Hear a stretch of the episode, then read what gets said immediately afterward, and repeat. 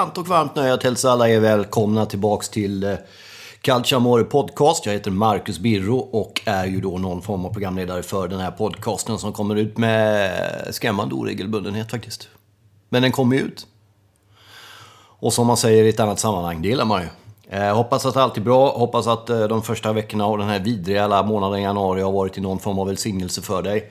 För egen del så kämpar jag emot allt och alla under hela januari. Det är som om hela världen klär sig i en enda stor rustning och bara kommer en springandes till mötes.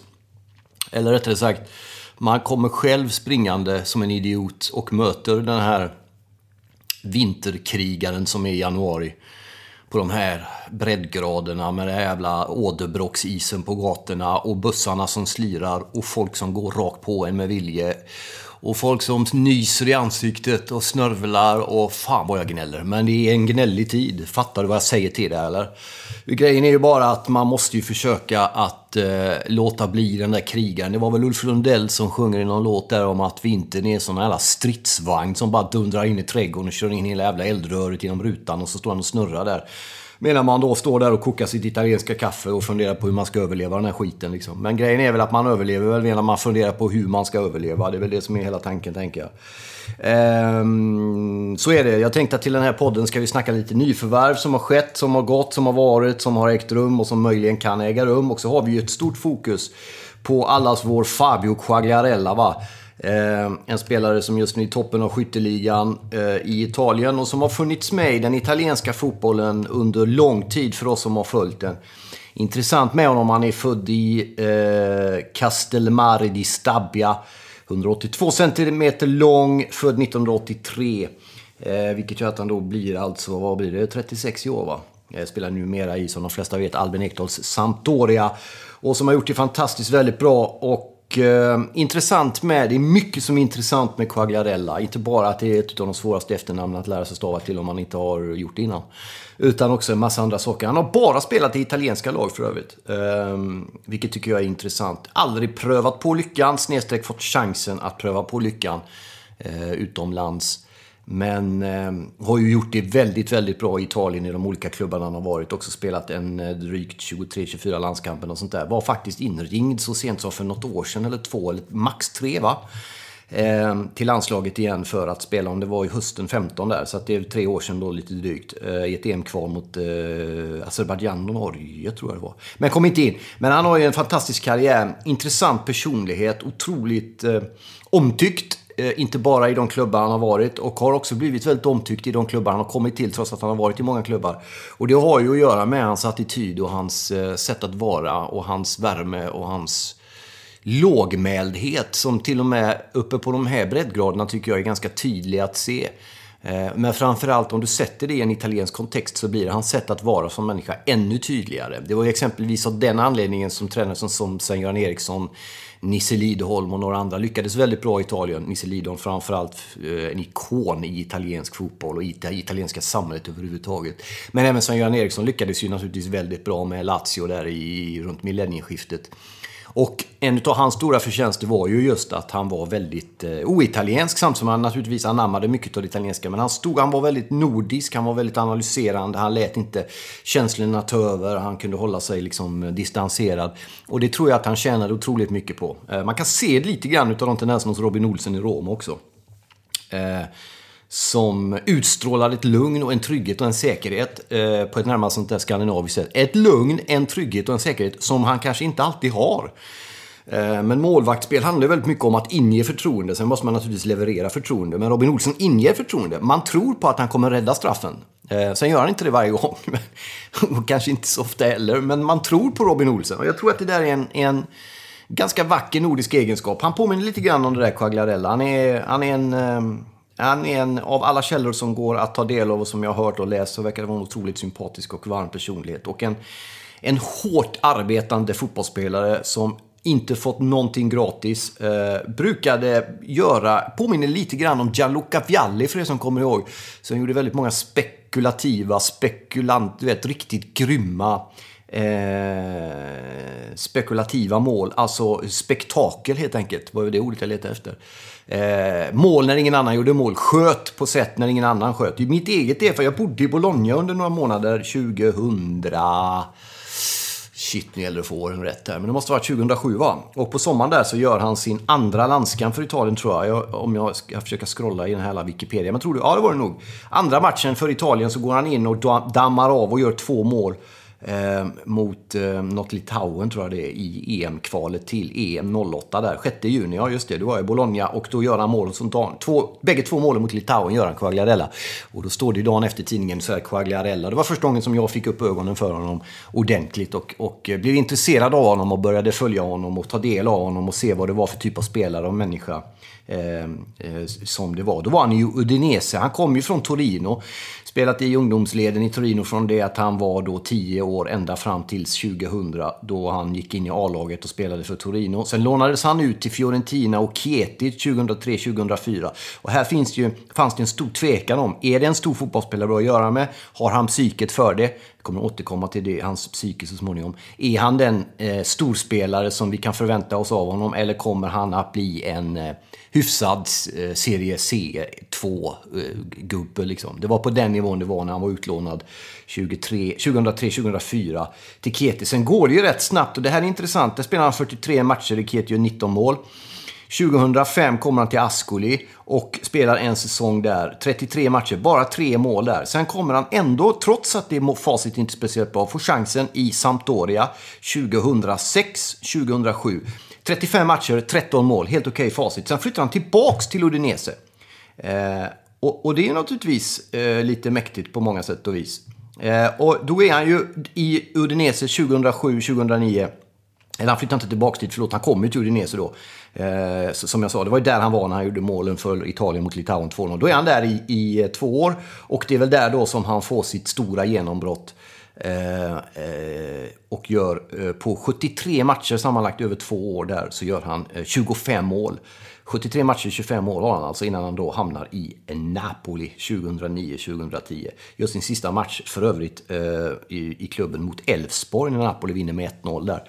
I den första utav två Europa League-matcher. Den andra såg jag faktiskt på plats på eh, halvsunkiga Borås Arena. Hur som helst. 10 då, Napoli. 34 matcher, 11 mål. Och där då och någonstans så lämnar han Napoli under eh, en del besynnerliga former. 27 augusti, sen på hösten efter VM eh, i Sydafrika, så skriver han på för Juventus, lånar honom eh, för 4,5 miljoner euro med en klausul att köpa loss honom för 10,5 miljoner. Eh, som då skulle betalas över tre år. Eh, och det här är ju intressant därför att under tiden i Udinese hade han ju bildat eh, fruktat anfallspar med Antonio Di Natale för övrigt, den stora Udinese-legenden och Napolisonen. Fantastisk fotbollsspelare och människa det också för övrigt. Ehm, men det som har hänt då, som kommer fram långt senare, är att under sin tid i Neapel så är han utsatt för en så kallad stalker. Och det här är ju liksom inte bara någon halvpilsk eh, drömmande gymnasietjej som står i någon jävla gränd i Neapel och kastar lyssna blickar och kanske skickar något brev till, eller du vet, med några hjärtan och något telefonnummer eller något sånt där gropjaktigt. Utan det här är ju då någon gubbe som har bestämt sig för att förpesta livet fullständigt för, dina, eh, förlåt, för Quagliarella. Och som anklagar honom för att vara pedofil, som anklagar honom för att ha våldtagit folk. Eh, och sen har han dessutom kontakter in i rättsväsendet. Så det här blir en stor jävla cirkus som gör att eh, Quagliarella helt enkelt känner sig tvingad att lämna eh, Napoli och Neapel. Och detta är 2010. Hela den här skiten pågår under nästan ett helt decennium innan eh, den här stalkern blir fängslad, döms till fängelse 2017. Så det är alltså sju år av privat helvete vid sidan av fotbollsplanen. Och vid sidan av detta ska han då leverera fotboll på absolut världsnivå. Vilket han möjligen, kanske, hela vägen eh, inte gör, men faktiskt nästan är på gränsen till att göra det. Och den bedriften om de hade haft någon form av bragdguld i Italien så hade han ju fått det varenda jävla år känns det som. Att jobba på en absolut toppnivå, eh, maxnivå när det gäller internationell toppfotboll samtidigt som man har ett helvete privat. Med att svära sig fri från lögner och angrepp, försöka få bevis för att fälla den här jävla galningen och leva med den här skräcken över att det som den här personen anklagar en för, att folk kanske skulle börja tro att det var sant eller något sånt där. Då hade ju det varit fullständig katastrof. Ändå jobbar han stenhårt och levererar. Eh, spelar ju bland annat EM 2008 med, eh, i eh, VM 2010. stänker åtta mål i dåvarande Uefa-cupen när Udinese gick till kvartsfinal där under de här åren då. Eh, Udinese var ju strax före, men efteråt när han kommit till Juventus och sen spelar han även i Torino och i Sampdoria och gör ju då alltså eh, en massa landskamper även för Italien.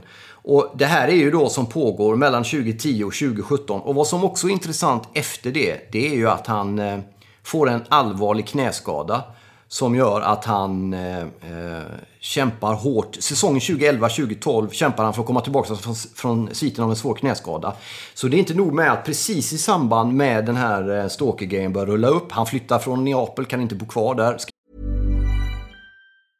Cool fact a crocodile can't stick out its tongue. Also, you can get health insurance for a month or just under a year in some states. United Healthcare short term insurance plans, underwritten by Golden Rule Insurance Company, offer flexible, budget friendly coverage for you. Learn more at uh1.com. If you're looking for plump lips that last, you need to know about Juvederm Lip Fillers. With Juvederm Volbella XC and Juvederm Ultra XC, your lip look, whether it's subtle or bold, can last up to one full year with optimal treatment and no additional maintenance. Find a licensed specialist and see if it's right for you at Juvederm.com today. That's J U V E D E R M.com. Add fullness to lips in adults over 21 with Juvederm Volbella XC or Juvederm Ultra XC. Do not use if you have severe allergies or a history of severe allergic reactions, or if you're you're allergic to lidocaine or the proteins used in Juvederm. Tell your doctor if you have a history of scarring or taking medicines that decrease the body's immune response or that can prolong bleeding. Common side effects include injection site redness, swelling, pain, tenderness, firmness, lumps, bumps, bruising, discoloration, or itching. As with all fillers, there's a rare risk of unintentional injection into a blood vessel, which can cause vision abnormalities, blindness, stroke, temporary scabs, or scarring. For full important safety information, visit juvederm.com.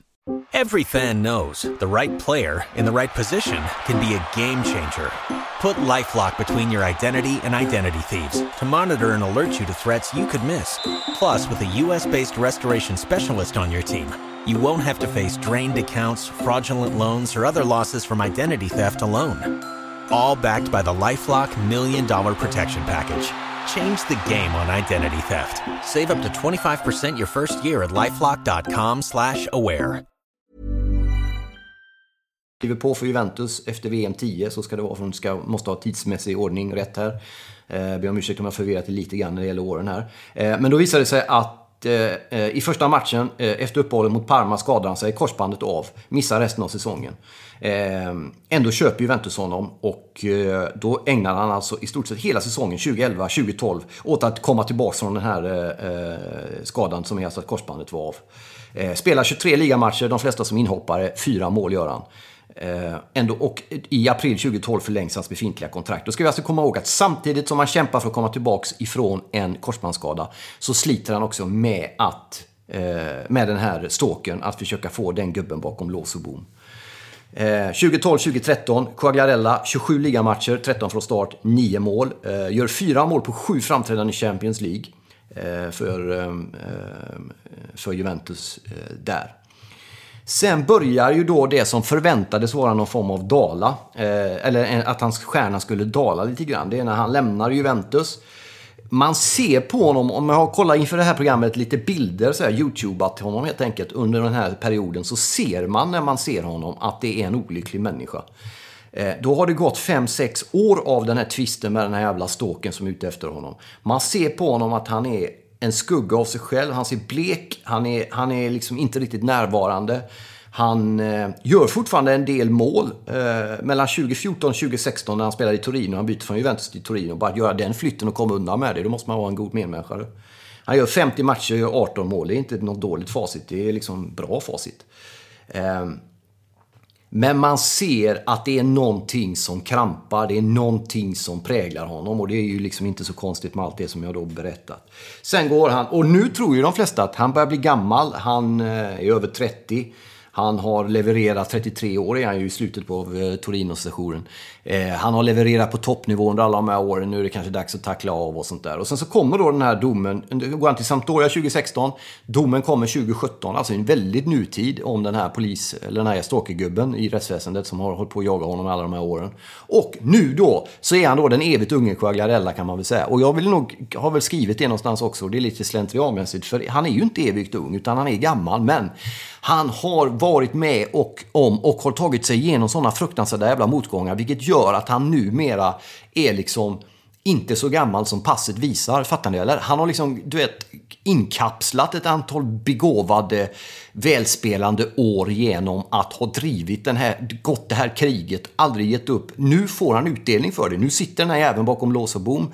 Nu är han i fysiskt praktexemplar fortfarande. Han gör inte lika snabba jävla löpmetrar på 30 och skit vad det nu är man räknar med. Men han är där, han gör mål, han har inte tappat det. Och han har fått betalt för allt den energi, all den grejen han har lagt ner för att fortsätta vara en världsspelare på den internationella toppscenen. Det får han tillbaka nu när saker och ting lugnar sig privat. Han är fortfarande i bra fysisk form. Sampdoria har ett bra lag med Albin Ekdal som förut spelade 90 minuter nu i den här senaste när man körde över hans gamla klubb eh, Quagliarella Udinese nu i helgen med 4-0. Och det är fantastiskt att se honom och också den här grejen hur alla gläds med honom alla, inte kanske de lagen som åker på alla mål han gör, men ni fattar. I stort sett alla är så jävla genuint lyckliga över att den här människan får den här chansen. Och inte bara får den här chansen, för han har jobbat stenhårt för att få den, utan han tar den här chansen när han väl får den. Han har arbetat för den, nu kommer den till honom och han är där och plockar den. Och så sätter han de här stjärnorna i håret. Och så bara blir han den här jävla tindrande, jävla planeten av, av intelligent fotbollsspelare, alldeles egen han. Och ligger i topp i skytteligan i Serie A nu inför, eh, stängde två nu sist igen då mot eh, Udinese eh, 4-0 matchen där. Ja, det, det, fan, man blir alldeles, alldeles bara lycklig och, och, och, glad, helt enkelt. En gubbe som har spelat liksom i internationell toppfotboll i snart 20 år. Eh, Eh, började ju då som sagt i Torino 99.00 och sen eh, förutom några av lånen han var utlånad i, eh, i ja, det var när Fiorentina Viola som de hette låg i C2, sen var det Keti Keti och även Torino i B. Sen har det alltså varit Serie A hela vägen. Eh, i 15 år. Men med sammanlagt då alltså 20 år i internationell toppfotboll, 15 av dem i Serie A. Och då i lag som eh, Sampdoria, Udinese, Napoli, Juventus, Torino och numera då Sampdoria igen. Ah, fan, det är, man blir alldeles lycklig alltså. Så det är jättefint. Eh, skänk honom en varm tanke och glädje åt honom när han gör mål, även om det kanske är mot ert lag. Eh, vi ska ta lite grann om det som har varit i helgen också, Atalanta krigade sig till 3-3 mot Roma. Eh, inte så mycket att snacka om den grejen. Det brukar se ut sådär mellan de två lagen. Har gjort det flera gånger nu senast i augusti på Olympico. I början var det första gången tror jag, när Pastore klackade in ett mål där och sen vände och vann och så blev det 3-1 och 3-3 den här gången. Hade Roma 3-0 efter en halvlek men eh, slutade spela fotboll i den andra och eh, Atalanta ju som är det laget, i Serie A, det vet ni säkert, som har gjort flest mål, faktiskt fler än Juventus. Eh, lyckades vända den här matchen och göra 3-3 trots att man missade en straff där och trots att Robin Olsson räddade ett friläge på slutet som var offside förvisso, men ändå. Så klarar ju då Atalanta 3-3 och all jävla hattar av och skit vad det nu heter för Atalanta som spelar en fantastisk fotboll. Det är ju kanske inte alltid så jävla glädjande om man är försvarsinriktad och har den läggningen. Men om man inte är det så går det ju inte annat än att njuta när man ser att Atalanta spelar fotboll. När det handlar om Roma så ser det väl ungefär likadant ut. fast kul i en halvlek och värdelöst i en halvlek. Så sälj skiten till FC Tibern och bara låt vattnet flöda över de där gubbarna så kan vi nog få ordning på den här grejen. Många fina matcher idag annars. Kiev och Fiorentina 3-4. Otrolig match. Där Kevo kom tillbaks. Fiorentina, eh, 2-4 tror jag det blev till och med va? Där Fiorentina fick en man utvisad men lyckades ändå göra två mål på slutet där. Och Kevo missade en straff med Pellissier när man hade chansen att kvittera och lite sånt där. Så det var en... Eh, ja, fina, otroligt mycket bra fotbollsmatcher under hela den här helgen som varit. Eh, när det gäller övergångar då så talas det ju om Hamsik som satt på bänken för Napoli. Att han kan gå till Kina. Vi får väl se hur mycket som ligger i det. Han är ju liksom en Napoli-ikon i mångt och mycket. Eh, men eh, kommer naturligtvis inte acceptera att sitta på bänken hur länge som helst. Att Kina är ju då tydligen eh, på någon sorts tapet. Vi får väl se hur konkret det blir. Det som har blivit konkret och blivit av kan vi väl ta lite kort också. Det är ju Moriel till Sampdoria. Han har ju redan stängt några. Också ett fantastiskt nyförvärv för, för, för dem. Ah, han är ju... Vad ska man säga om den gubben alltså? Bra ändå, eller? Ehm, sen har vi ju han Paquela, han som är döpt efter någon jävla ö eller vad det var jag hörde va? Det gillar man ju. Eh, någon brasiliansk ö eh, som har gått till Milan. Men ehm, eh, ja, men jag såg ju någon match där nu då när Milan spelar mot Napoli och han gör ju väl det ganska bra. Samtidigt som jag skrev det på Twitter också, det är väldigt märkligt att se Milan hur de spelar ena stunden bara fantastiskt bländande jävla bra fotboll. Eh, otroligt bra fotboll. Eh, och sen så när man får chansen att, att vända, då är det plötsligt som att man blir nervösa och man bara liksom, du vet, tappar det fullständigt och, och blir eh, helt parad, pa, liksom paralyserade. Man, man, man, får liksom inte fram passningar, man spelar fel. Det är sådana juniormisstag. Men fram tills dess ser det skitbra ut. Det är därför det ser så jävla bisarrt ut när Milan spelar fotboll. Det var någonting i början också när man höll i bollen, tror jag det var första matchen också, i första omgången eller andra möjligen där det var mot, borta mot Napoli. Man tänkte fan, de är ju bolltrygga de här gubbarna. Det ser bra ut och sen så kommer man upp och sen spelar man bollen, du vet, tre meter fel till höger till motståndaren bara, sen är den skiten slut liksom. Nej, jag fattar fan ingenting alltså. Väldigt, väldigt märkligt alltså. Eh, jag vet inte om jag sa Sampdoria på Moriel, det gjorde jag säkert. Jag snörade till det. Han är ju naturligtvis i Fiorentina eh, och har gjort det riktigt bra redan sedan han kom dit han kom. Han har ju spelat för Sampdoria tidigare, så ska det vara, men spelar ju numera i Fiorentina. Bra värvning. Eh, Pacuela alltså till Milan, också en okej okay värvning. Eh, Priatek där också då, va? Eh, vår vän från eh, Genua som kommer till Milan. Kom in i halvleken där. Blir fint presenterad på San Siro tycker jag. Eh, vi får se vad han har att eh, komma med eh, fram igenom här. Um, ja, men vi rundar av den här sköna grejen och så eh, kan jag rekommendera er att youtuba Quagliarellas... Eh, bara, eh, youtuba Quagliarella bara så kommer det upp fantastiskt sköna grejer. Uh, vi är också så att vi drar ju igång, som ni har hört här, sen också kommer ju poddarnas kamp till Calciamore igång. Jag vill bara också ta och tacka Betfair för att vi existerar överhuvudtaget. Tack till Patrik Leander som står upp när de andra faller. Eh, tack till Anton Avenäs som sköter teknik och klipper ihop det. Stort jävla tack för att ni finns. Tack till alla som följer oss på Facebookgruppen.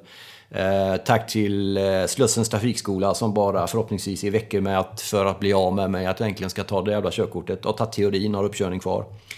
Eh, tack också till Ventourage eh, som jag rekommenderar varmt att gå in och beställa era italienska fotbollsresor därifrån. Uppger ni Calcio Amore får ni 10% rabatt på priset. Ehm, det var väl de eh, där och då. Eh, framförallt stort tack, det största, till dig som lyssnar för att du gör det här möjligt. Vi gör det utan någon jävla ersättning, vi gör det gratis. Det är inget synd om oss, men vi krigar på. Och vi skulle inte klara en meter utan er. Så stort tack för att ni finns. Okej, okay, ta hand om er. Det är bara dagar kvar i januari, snart är det februari. Och det tackar vi ju samtliga gudar och Totti och hela jävla gänget för. Alltså, arrivederci. Quanto è forte e Quagliarella, Quagliare, segna sempre Quagliare.